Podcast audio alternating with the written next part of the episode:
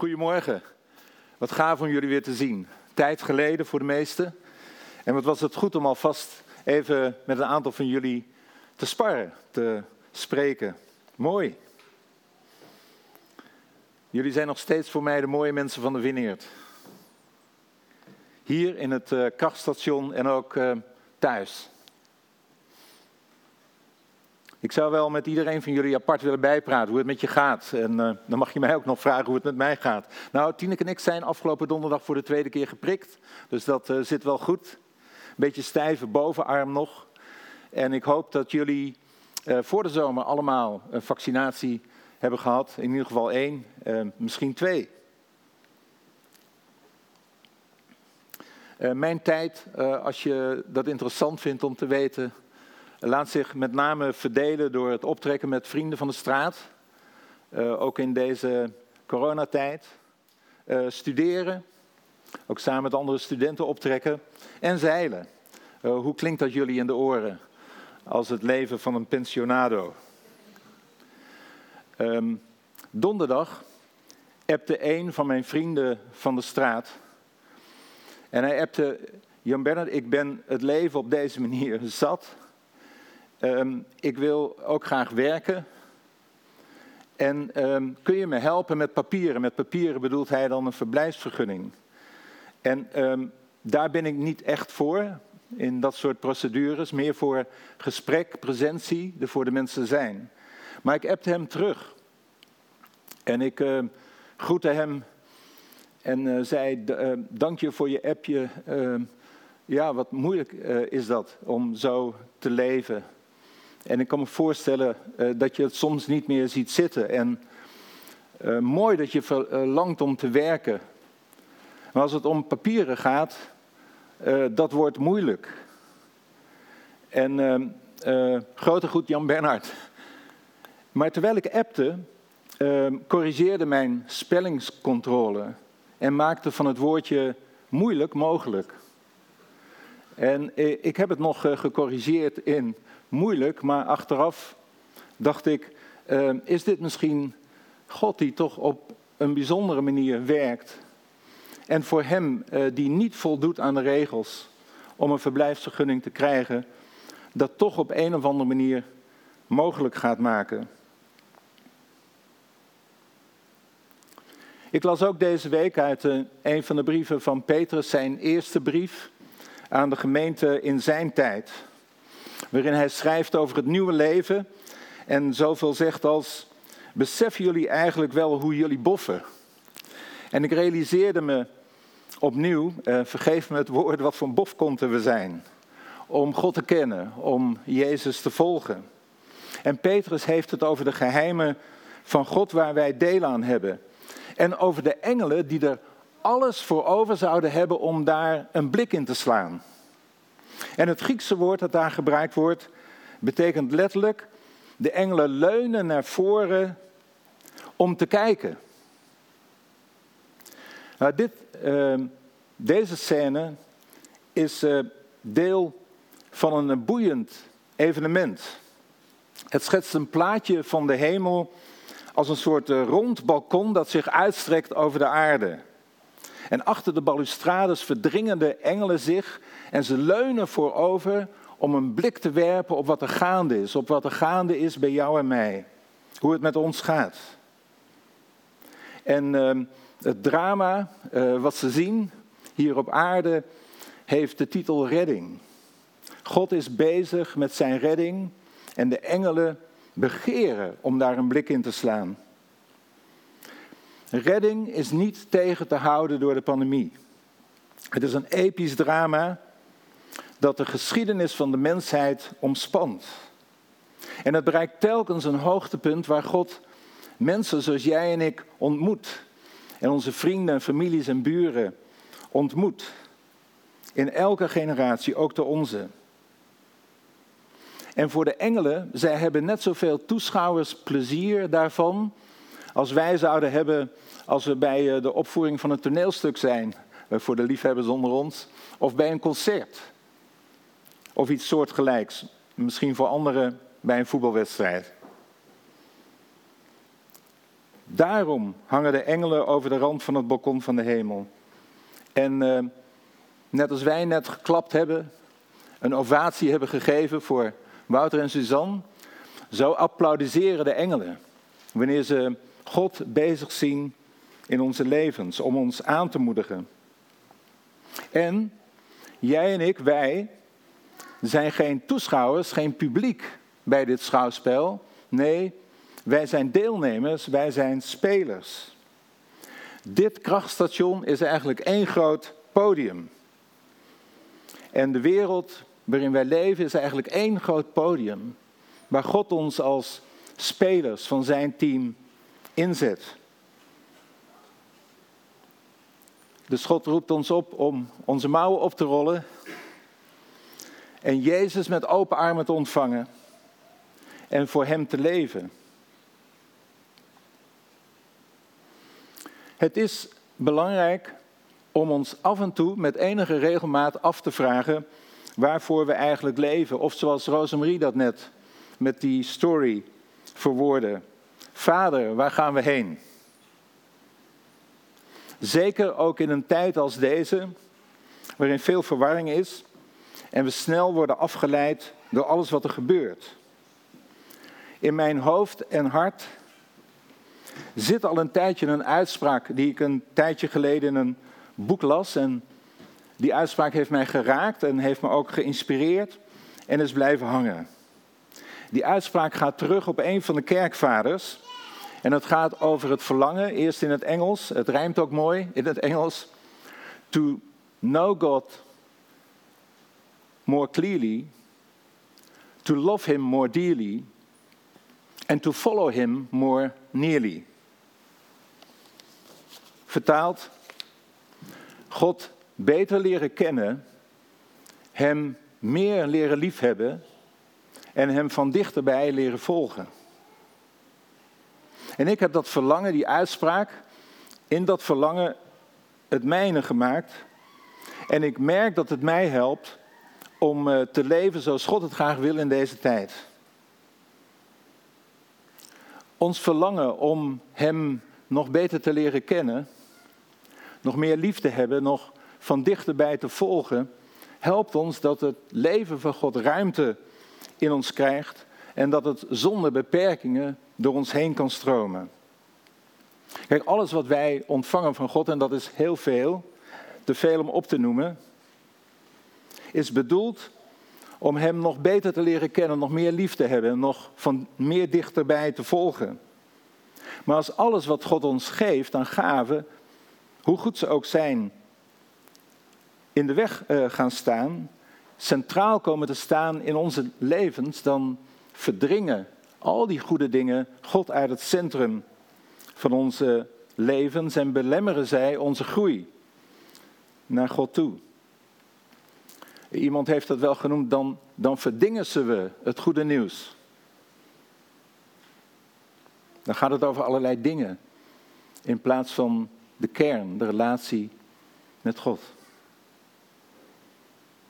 Daarom is het nodig dat we in ons dagelijks leven met alles wat God ons zo rijk geeft, goed omgaan. Vooral als we de keuze hebben en niet gebonden zijn door een of andere verplichting. We zouden ons in onze verlangens niet moeten blindstaren op gezondheid of ziekte, op rijkdom of armoede, op succes of falen, een lang of een kort leven. Want al deze dingen kunnen leiden tot een diepere reactie in ons leven op wie God is. Wanneer de liefde van God wordt ervaren door ons en wij zijn goede zorg voor ons ervaren, ontwikkelt zich een geestelijke vrijheid in onze harten en hoofden en handen. Het is een innerlijke vrijheid die ons toestaat om de wil en de roep van God te horen en daarop te reageren. Maar ons gedoe, tenminste mijn gedoe, kan ons in de weg staan, kan mij in de weg staan. Onze angsten, onze vooroordelen, onze hebberigheid, onze neiging om alles onder controle te hebben. Perfectionisme, afgunst, noem maar op. En dit gedoe kan leiden tot een innerlijke chaos, eh, tot een verwarring. En die kan weer leiden tot een neiging om slechte keuzes te maken. We kunnen overdreven gehecht of zelfs gebonden raken aan mensen, eh, plaatsen, materiële bezittingen, titels, banen en vul zelf maar in. Deze dingen kunnen op zich allemaal goed zijn, wanneer ze ingebed zijn in de liefde van God. Maar als dat niet zo is, kunnen ze misplaatste hechtingen worden en God uit het centrum van ons leven drukken. God verlangt dat ons hele wezen Zijn liefde kent en met Zijn liefde is vervuld. Nou, hoe leren wij God kennen en volgen? En steeds meer. Welke activiteiten, mensen, materiële dingen helpen ons, jou en mij, dit doel te bereiken? En wat houdt ons terug of staat ons in de weg?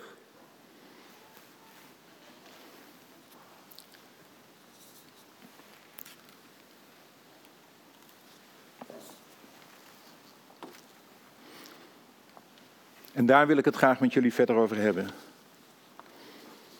Vader, waar gaan wij naartoe? Waarvoor leven we eigenlijk?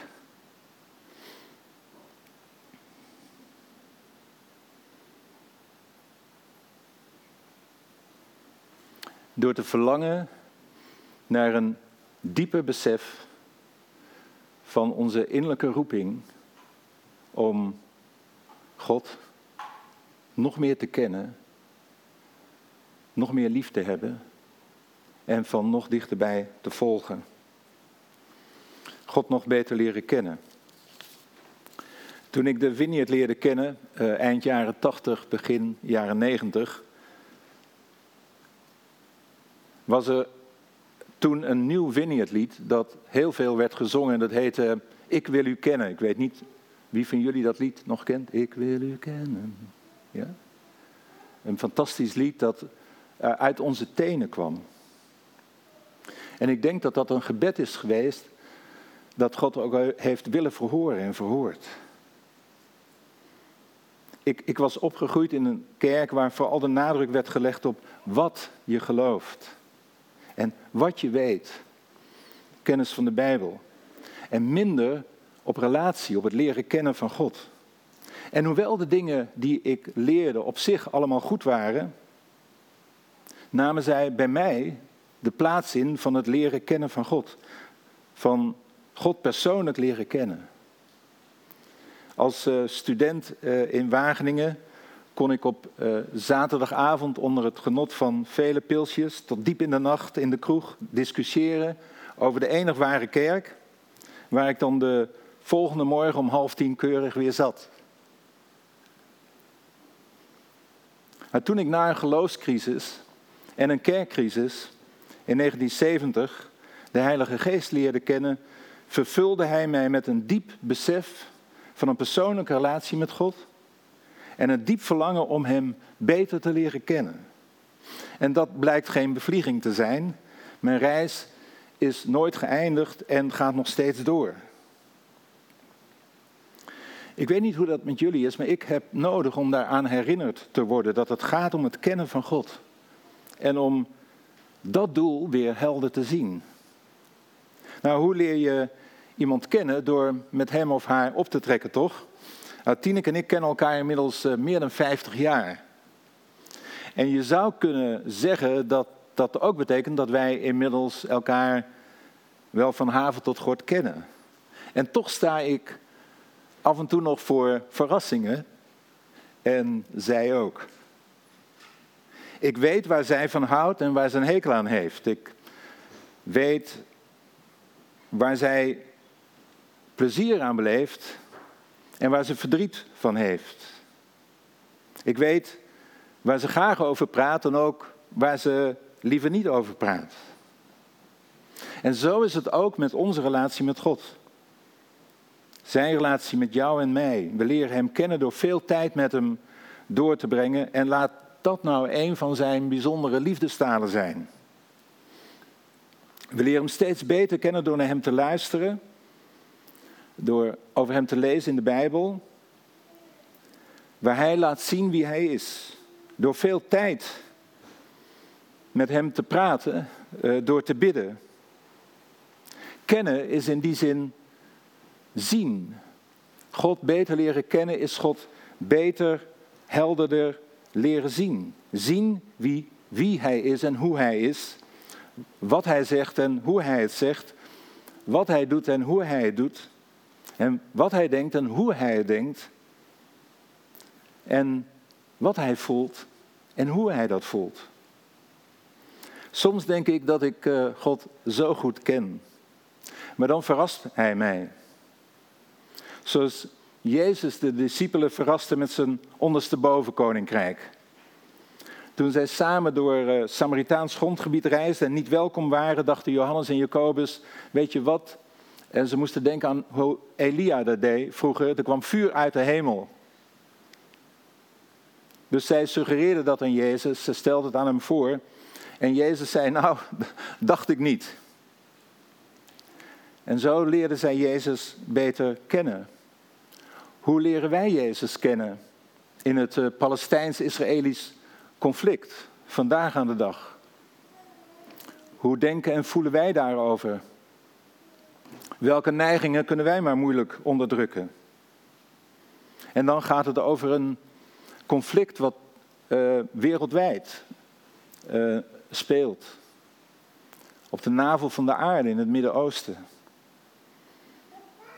Ik was woensdag al geërgerd toen ik op mijn wandeling langs de singles door het poortje kwam, het ledig erf bij het Louis Hardlopen complex. En daar uh, waren een stel hangjongeren uh, die de hele poort vulden, want het regende ook een beetje. En ik uh, vroeg redelijk bescheiden, mag ik er even langs? en ze hoorden me niet. En toen ik wat luider vroeg, waarschijnlijk te luid, werden ze eigenlijk min of meer boos op mij. En ik merkte hoe ik me aan hen ergerde. Terwijl ik net nog aan deze preek had zitten te werken om erachter te komen hoe Jezus denkt en hoe Hij voelt en hoe Hij dingen doet. Of neem Jona.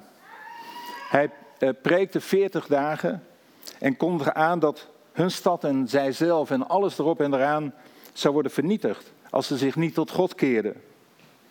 Maar God bedacht zich en besloot om de stad niet te vernietigen, om iedereen in leven te laten, mens en dier. En toen was Jona kwaad. In Jona 4, vers 1 tot 4 staat in de NBV. Dit werkte grote ergernis bij Jona en hij werd kwaad. Hij bad tot de Heer, ach Heer, heb ik het niet gezegd toen hij nog thuis was? Daarom wilde ik naar Tarsus vluchten. Ik wist het wel. U bent een God die genadig is en liefdevol, geduldig en trouw en tot vergeving bereid. Laat mij maar sterven, Heer. Ik ben liever dood dan dat ik zo verder moet leven. Maar de Heer zei, is het terecht, Jona, dat je zo kwaad bent? Jona was aan het bekvechten met God omdat hij verrast werd door genade. En daar had hij niet op gerekend. En daardoor werd hij beschaamd door genade. Maar hij was nog niet klaar om zich over te geven aan genade. Niet zoals de Ninevieten deden. En dus zat hij te mokken. Ik weet niet hoe dat met jou is, maar soms zit ik te mokken. En merk ik dat ik zo gehecht kan raken aan mensen en dingen en mijn eigen plannen, dat ik uh, kwaad word als de dingen anders lopen. Kwaad op God. Als de COVID-19-pandemie al onze plannen in de war schopt. Of ben ik de enige die dan soms zit te mokken? Ik heb het nodig om God steeds beter te leren kennen. En door Hem beter te leren kennen, mijzelf beter te leren kennen. Thomas Merton zegt het zo. Er is maar één probleem waar mijn hele bestaan, mijn vrede en mijn geluk van afhangt. Om mijzelf te ontdekken in het ontdekken van God. Als ik Hem vind, zal ik mijzelf vinden. En als ik mijn echte zelf vind, zal ik hem vinden? Dat is eentje om erover na te denken. Als het goed is, wordt hij geprojecteerd. Of, uh, ja. Goed, God nog meer liefhebben. De uitspraak die ik citeerde in het Engels luidde: To love him more dearly. Dat woord dearly is in die combinatie van woorden soms moeilijk te vertalen, maar het dichtst daarbij komt waarschijnlijk het woord innig. De trouwtekst van Tineke Mei is uit Lucas 10, vers 27. Het grote gebod. Heb de Heer lief, je God, met heel je hart, met heel je ziel, met heel je kracht, met heel je verstand en je naast als jezelf. Als kind hoorde ik iedere zondag in de kerk de tien geboden in de ochtenddienst en het grote gebod in de middagdienst als een samenvatting van de wet. Het belangrijkste van de wet. En ik heb als tiener uit alle macht geprobeerd God lief te hebben. Maar het brak mij bij de handen af. Ik voelde dat ik faalde.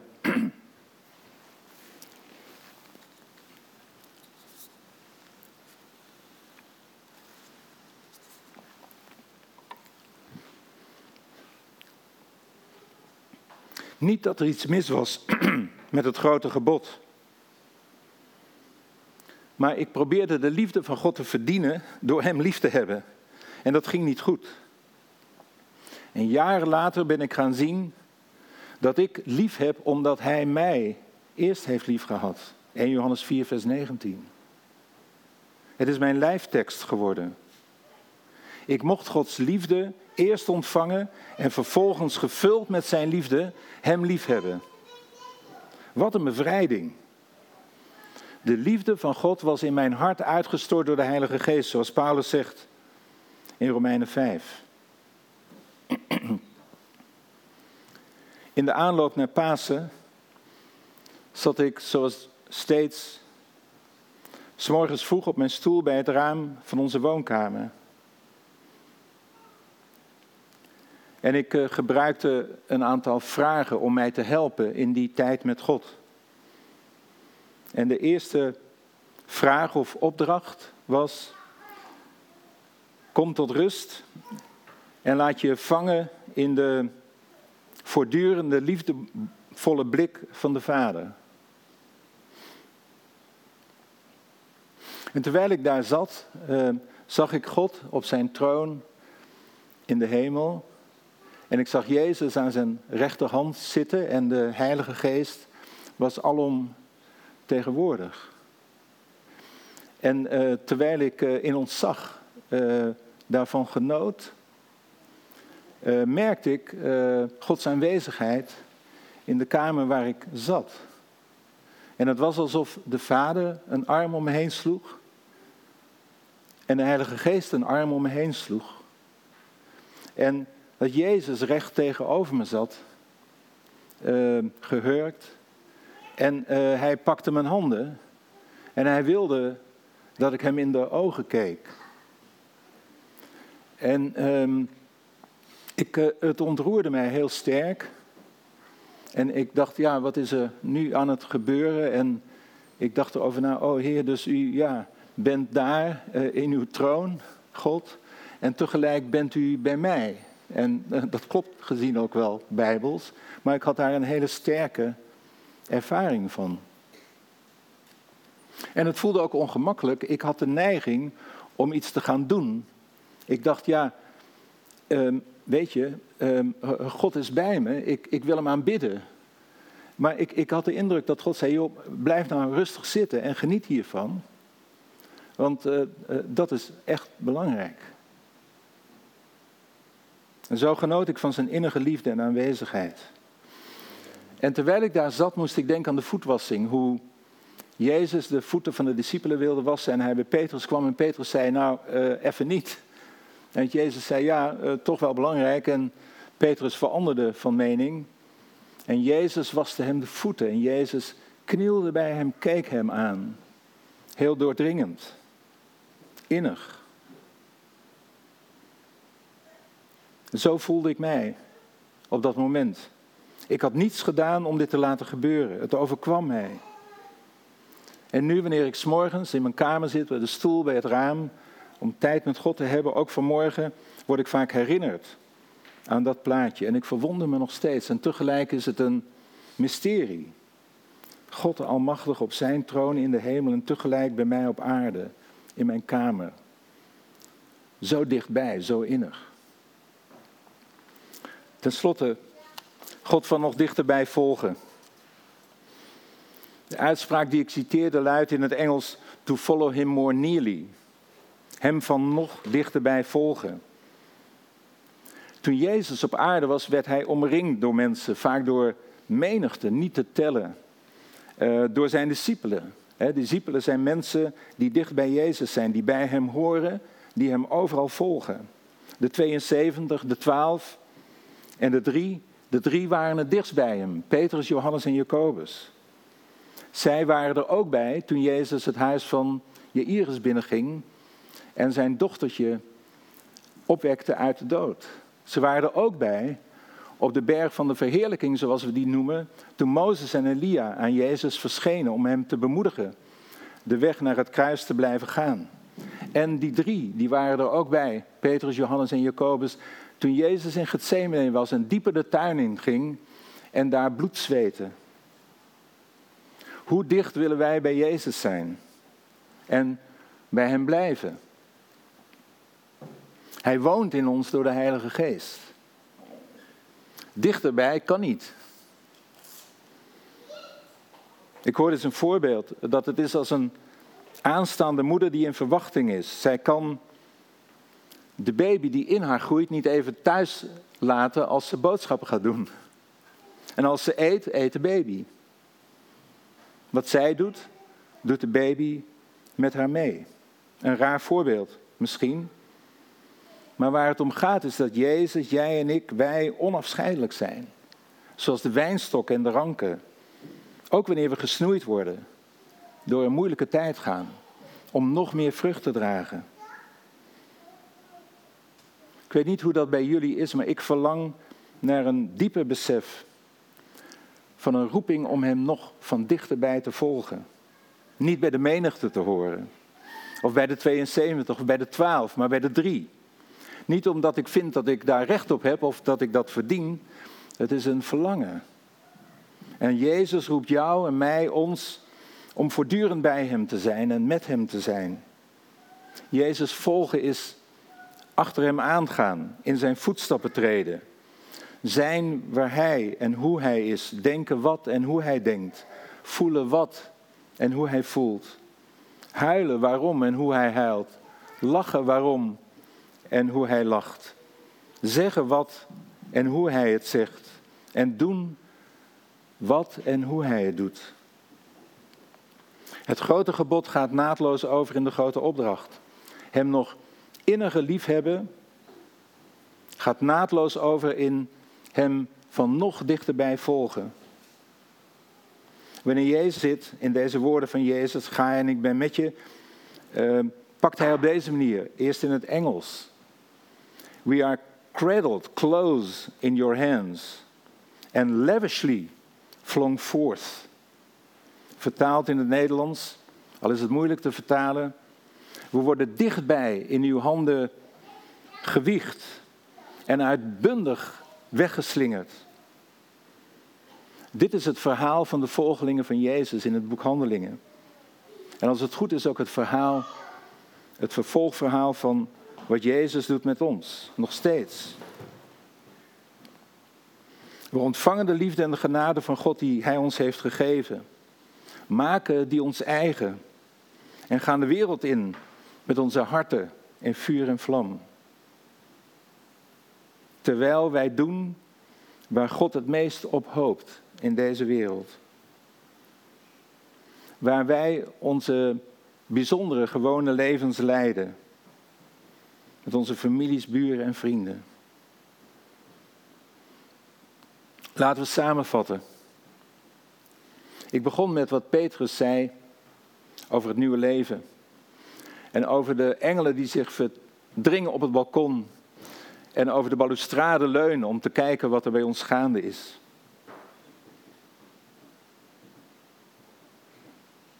We hebben nagedacht over wat het betekent als wij vragen, Vader, waar gaan wij heen? En hij zegt, verlang heb een diepe besef van je roeping. En een innerlijke vrijheid van alle dingen. Om Hem beter te leren kennen, nog meer lief te hebben en van nog dichterbij te volgen.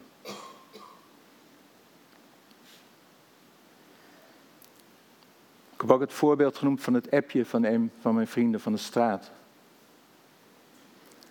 Het doet mij verlangen dat wanneer wij aan het denken en doen en aan het uh, appen zijn, aan het praten, dat uh, de Heilige Geest de spellingscontrole heeft. En dat overal waar wij uh, moeilijk denken, Hij dat verandert in mogelijk. Het is mogelijk om God te volgen in deze tijd. Amen. Zullen we gaan staan en uh, bidden?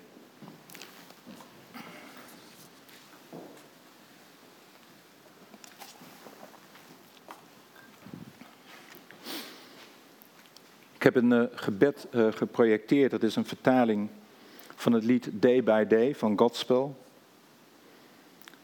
toegeschreven Richard of Chichester. Maar het zijn de woorden die nog verder teruggaan op een van de kerkvaders. En door mij vertaald in het Nederlands. Uh, zijn ze geprojecteerd? Oké. Zullen we ze bidden? Zal ik tot samen? Uh, of neurien? of mag je wel praten? Praten mag wel? Goed, dus zachtjes zeggen. Dit gebed samen. 1, 2, 3. Lieve God, dag aan dag, dag aan dag bid ik deze drie dingen. U nog beter te leren kennen, u nog meer lief te hebben, u van nog dichterbij te volgen, dag aan dag, dag aan dag. Amen.